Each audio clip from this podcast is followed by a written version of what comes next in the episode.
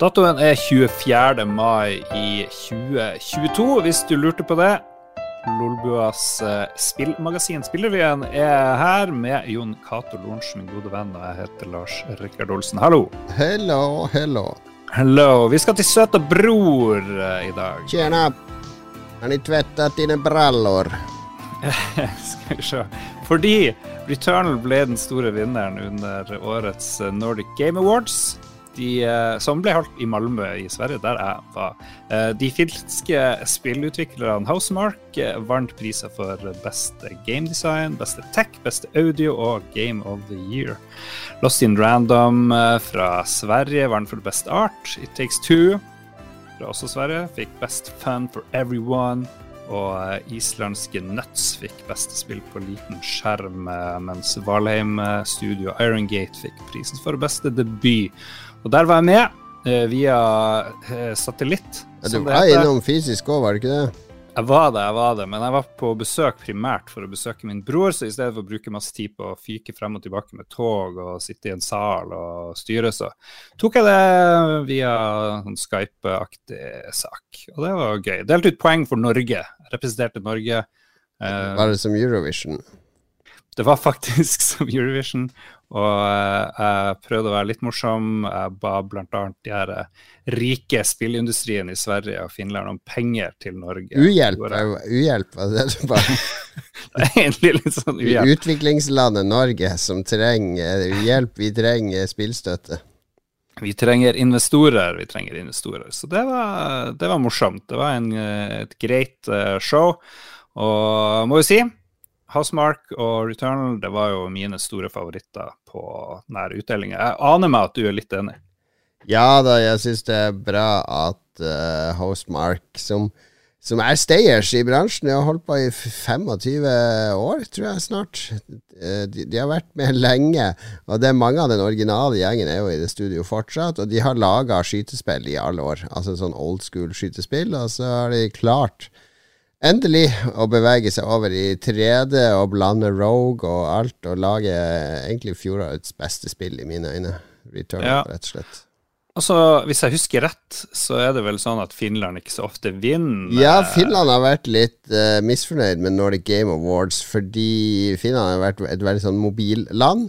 Altså blir jo Den juryen i Nordic Game blir jo ofte full av sånne hipstere som det, som skal ja. like disse følelsesladde, personlige dramaene eller innovasjon overalt. Sånn at uh, finske mobilspill, som gjerne spilles av millioner av mennesker, har liksom drukna litt i uh, Battlefield og uh, Among the Sleep og litt mer sånne personlige eller storslagne spill.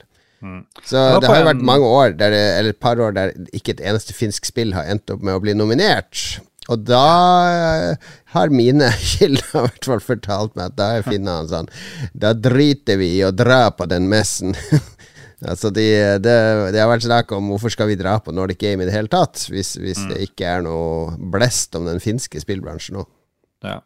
Men uh, Housemark vi var der uh, forfulgt, for de hadde to ulike opptredener. Jeg så den ene ja. i sal. Var der med Magnus Tellefsen. Jeg så ryggen hans da han gikk forbi meg. Det Mange lyttere som ikke vet det, Magnus Tellefsen er. Det er ikke Lolbua, Lars. Ja, det er Magnus Tellefsen i Norsk Filminstitutt som vi skal snakke om senere. En gammel, gammel medprogramleder i Lolbua som uh, ga seg etter 200 episoder, ca. Men, ikke ut eh, mer enn 200. Nei, nei, det, han er ikke en stayer. Eh, men den her eh, Housemark-panelet, eh, ikke et panel, det var en presentasjon, den var veldig fin. Men det som irriterer meg litt, er at de her panelene på Nordic Game er en halvtime ish, ser det ut som. For det er det folk har uh, kapasitet til å gidde å følge med på. Det syns jeg er ganske kort tid for å gå gjennom uh, utviklinga av et spill. Men det var veldig artig å se prototyper og hvordan de gikk fra å være et primært 2D-studio, enten top down eller på sida, til å skulle gå over og lage spill i 3D. For det, da var det mye lærdom de kom med og kunne gi videre da, til folk som satt i salen. Ja. Så det var gøy. Er jo et viktig element på Nordic Game. Jeg tror det viktigste for Nordic Game altså Det er jo litt sånn der Du var vel rundt og så på de utstillingene og sånn òg.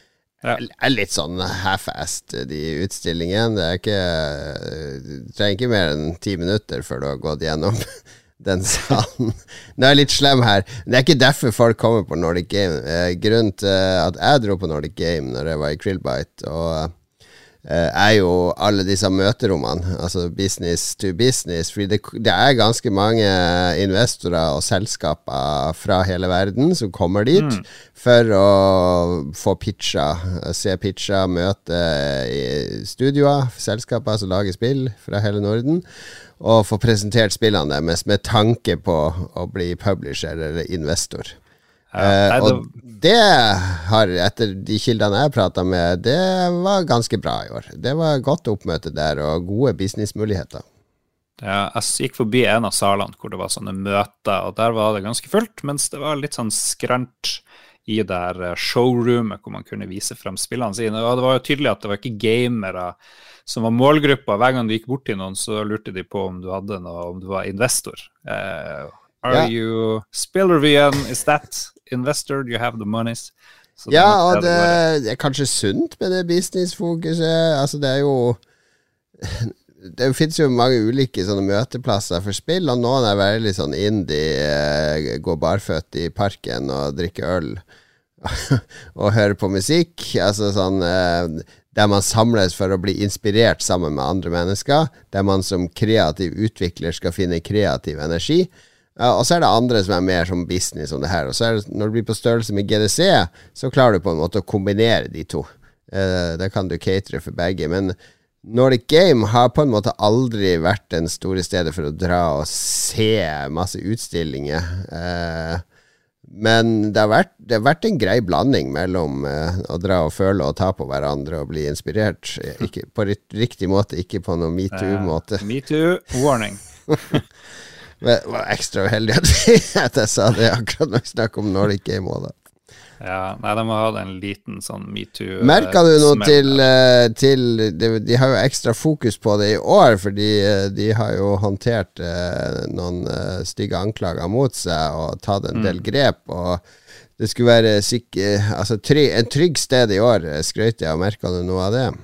Ja, på hjemmesiden så var det første som dukka opp, det var her eh, reglene for hvordan du skal oppføre deg, eh, og hvordan man tar Code vare på folk. Code of conduct. Som, Code of conduct, og hvordan man kunne bli tatt vare på hvis det skjedde noe. Og så må eh, måtte man krysse av på at man hadde lest Code of conduct før du fikk ditt badge, sånn at du slapp inn på området. Så det var tydelig merkbart at de har prøvd å i hvert fall gjøre noe som er synlig, for å ja. ta tak i metoo-problematikk. Ja, det var noe bra å høre. Da tror jeg vi hopper fra søta bror fra Sverige og går over til Norge igjen. For eh, Norsk Filminstitutt har eh, i helga, ble det klart, eh, delt ut 10,5 millioner kroner til ni norske spill. Fire av de spillene har ikke fått tilskudd tidligere. Vi kan jo ta en kjapp look på de fire. A Bad Game of Football kommer fra Studio Gauntlet, eh, som jo var nominert for Bonkis på Nordic Game Awards. De har fått 500 000 kroner til et spill som blander sanntidsstrategi med fotball. Og ja. Eh, fotball, ja, skulle tro det hadde en viss appell. Fotball er hot nå, vet du, fordi du vet uh, Fifa og Electronic Arts har jo slutta samarbeidet, så neste mm -hmm. fotballspill fra Electronic Arts skal vel hete uh, uh, EA Sports FC, eller noe sånt. Det betyr at Fifa, organisasjonen Fifa, altså, ser etter noen som kan lage deres neste fotballspill, så nå tror jeg det er mange som, som har kasta seg over fotballspillbølgen for å lande en lukrativ Fifa-avtale. Vi hopper videre til Brew. 300 000 kroner fra Snowleaf Studios. Et tredjepersons action rogue light, der du har mulighet til å brygge eliksirer for å lage egne power-ups. Ja vel. Cube får uh, veldig mye, 1,5 million. Uh, Puslespill fra Megapop, som går ut Rob Riches, så de var nominert i Sverige.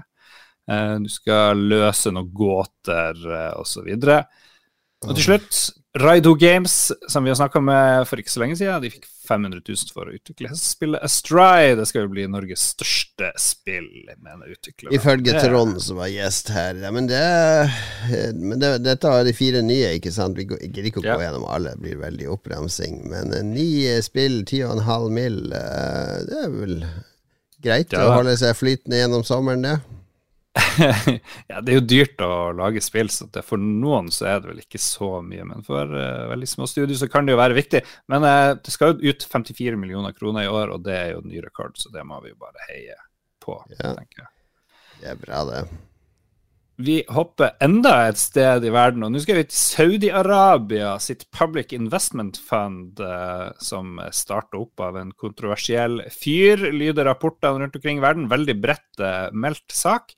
Eh, det som er viktig her, er at Saudi-Arabia sitt oljefond ja, det er jo på en måte deres oljefond. Ja. ja de eier 5% av Nintendo og blir femte største eier. Og det som er litt interessant, det er at Nintendo sier at de fant ut av det her først uh, via nyheter fra media, og har ingen kommentar uh, til det her. Så det er jo vanskelig å mene så mye om det, men det er interessant at de driver og satser på spill. De eier 5% av Capcom og nesten hele SNK, pluss aksjer i EA, Take Two og Activision Blizzard. Ja, de er et stort fond som kjøper seg inn i mye rart. Jeg tror også de har eh, aksjer i Uber og masse selskaper over hele verden. Og så spekulerer vi, eller ifølge Bloomberg og alle disse andre avisene som jeg leser hver dag, så så, så, spekuleres det vel i at fordi yen-kursen er ganske lav nå, så det er derfor de liksom har uh, snust på Capcom og Nintendo og sånn, for nå er det billigere å investere i japanske ting. Så de ja, det er vel kapitalismen, det. Det er vel det samme selskapet. Ja. Det, er, det, er, jo det samme fondet som tok over Newcastle nylig, er det ikke det? Da ble det jo litt uh, ja, uh, furore i England fotballgreier. Nei, det er vel business. Så I likhet med norske oljefondet, kjøpe opp ting eh, hit og dit. Men jeg tipper i motsetning eh, kun spekulasjon, i motsetning til det norske oljefondet, hvor man prøver å være etisk, så vet jeg ikke De har vel noen etiske retningslinjer der, men uh, jeg vet ikke om Saudi-Arabias Public Investment Fund har så mange etiske retningslinjer. Men det er jo en del av, hvis jeg har forstått det riktig, en sånn stor Eh, hva kaller de det? Eh, sånn PR-kampanje som eh, mm. Saudi-Arabia og andre rike land i Midtøsten gjør for å liksom eh, fronte seg sjøl som litt mer progressive og, og kule, mm. kule, investorer som eh, jeg vil være med og gjøre verden bedre. Det er jo en grunn til at det er tre Formel 1-løp der nede. Det er jo, det er, jo det er, det er en slags hvitvasking av landene deres. Ja. Nei, det, man skal aldri glemme at Saudi-Arabia gjør masse forferdelige ting eh, og ikke har menneskerettigheter som fungerer i det hele tatt. Nå er det jo sånn at nå er det fy-fy, nå skal man ikke ha noe med Russland å gjøre, men andre land som gjør nøyaktig det samme som Russland har gjort, dem er det business eh, as usual med. Ok, og til slutt, siste reisen vi skal i dag, er til USA, hvor eh, Electronic Arts, EA, ifølge kilder rapporterte bl.a. i gamer.no, eh, de diskuterer med flere parter om å selge spillselskapet. EA har lyst til å merge eller selge seg, eh, sies det, og de her folkene skal snakke med Disney og Apple og Amazon osv. uten at det ser ut til å ha resultert i noe håndfast. Og da tenker jeg jo på at Ubisoft, som før var veldig stolt og uavhengig, de driver vel og ser seg om etter å selge seg eller slå seg i hop med noen andre. Og ja, det er jo jeg vet ikke, det er jo litt trist, er det ikke det? Nå skal de her gamle spillselskapene de skal bare forsvinne inn i sånne svære greier. sånn Tencent og Disney og den slags. Embracelet. Embracer Group, ja. Embracelet var et spill, er sant. Uh, ja, det er jo Jeg syns det ble så mye sånn penger oppkjøp i denne episoden, så jeg har gått, gått tom for å snakke om penger. Og det er til og med ikke et oppkjøp, det er et potensielt oppkjøp.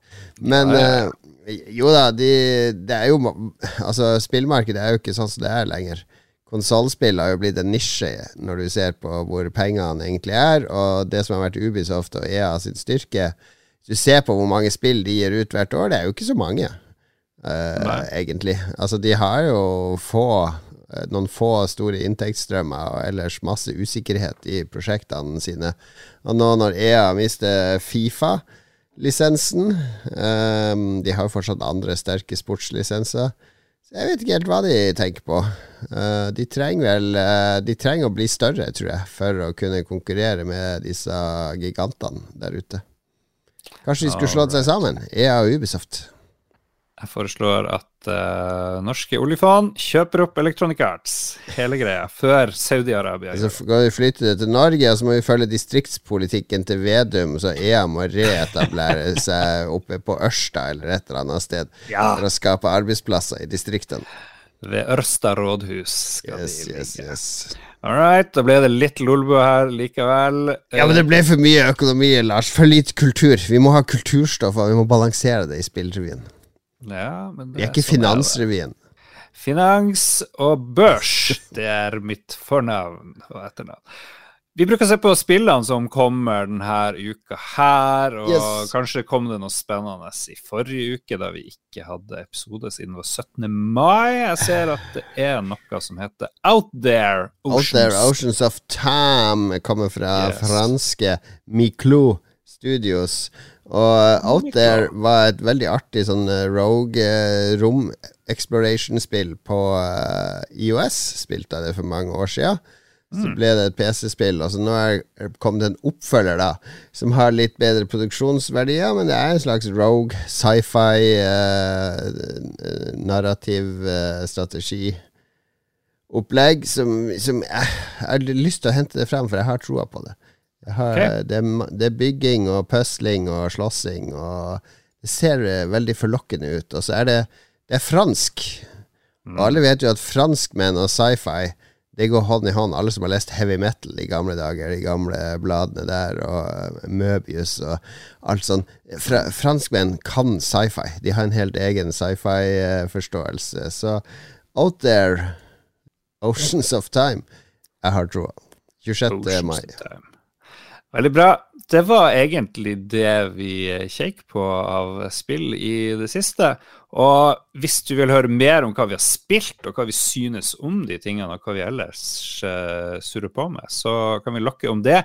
Og en rapport eh, mer om eh, min tur til Sverige, der vi bl.a. har en gigantisk lytterspalte der min bror, eh, doktor Olsen, eh, doktor i teoretisk matematikk, snakker om alle lytterne sine eh, geniale spørsmål som hva er ditt favorittall, osv. så videre. Det var faktisk litt underholdende. Det kommer på onsdag. Hver uke så kommer Lolbua onsdag. Vi samarbeider nå også med spill, kan vi jo nevne. Det er jo en liten nyhet. En av de, eh, to av de mest hyggelige folkene i Podkast-Norge, Adrian og Punti, lager spill hvor de uh, styrer på. Eh, eh, Håkon Puntervold, som er han Punti, han har jo eh, verdensrekorden i speedrunning av eh, Jones in the Fastlane, blant annet. Eh, og en veldig flink eh, gamer og sånn spillhistoriker på mange måter. Så det er gøy, mens Adrian Haugen er en meget hyggelig entusiast. Så nå er de med i den her Lolbua-paraplyen med Lykkos univers, Rage Lolcorp. Jeg fikk du faen meg med enda et oppkjøp. Enda Sånn er aksjenyhet helt på tampen, Lars. Dette Absolutt. Vi må ikke, I neste uke blir det ingenting som pengeprat, det blir bare kultur. Kun kultur, ingen mergers. Da sier vi tusen takk, og eh, vi er tilbake om en uke, er vi ikke det, Cato? Ja, vi gjør vårt beste. Det er vel Kristi himmelfart, så der burde vi vel klare å finne, finne litt tid. Uh, og eh, vi avslutter episoden, eh, som vi ofte gjør, med gode råd fra Jon Cato. Råd til livet, råd Ja. til hverdagen. For du som ikke følger med på kalenderen, men får vite datoen hver gang du hører spillrevyen, og er det den datoen i dag, så er det, det er Kristi himmelfart på torsdag. Det kan være et godt tips hvis du har spart opp noen avspaseringstimer, eller har lyst til å ta ut en feriedag og ta en feriedag på fredag, for da blir det en langhelg, ikke sant, for du har allerede fri torsdag. Så det er et godt tips fra kommunedirektøren. Ja, som eh, medeier av en liten bedrift, ikke ta fri på fredag. Det Gjør det. Alle i, i Harstad, gjør det. Takk, eh, takk til deg, Jon Cato. Vi snakkes om en uke. Ha det bra. Ha det.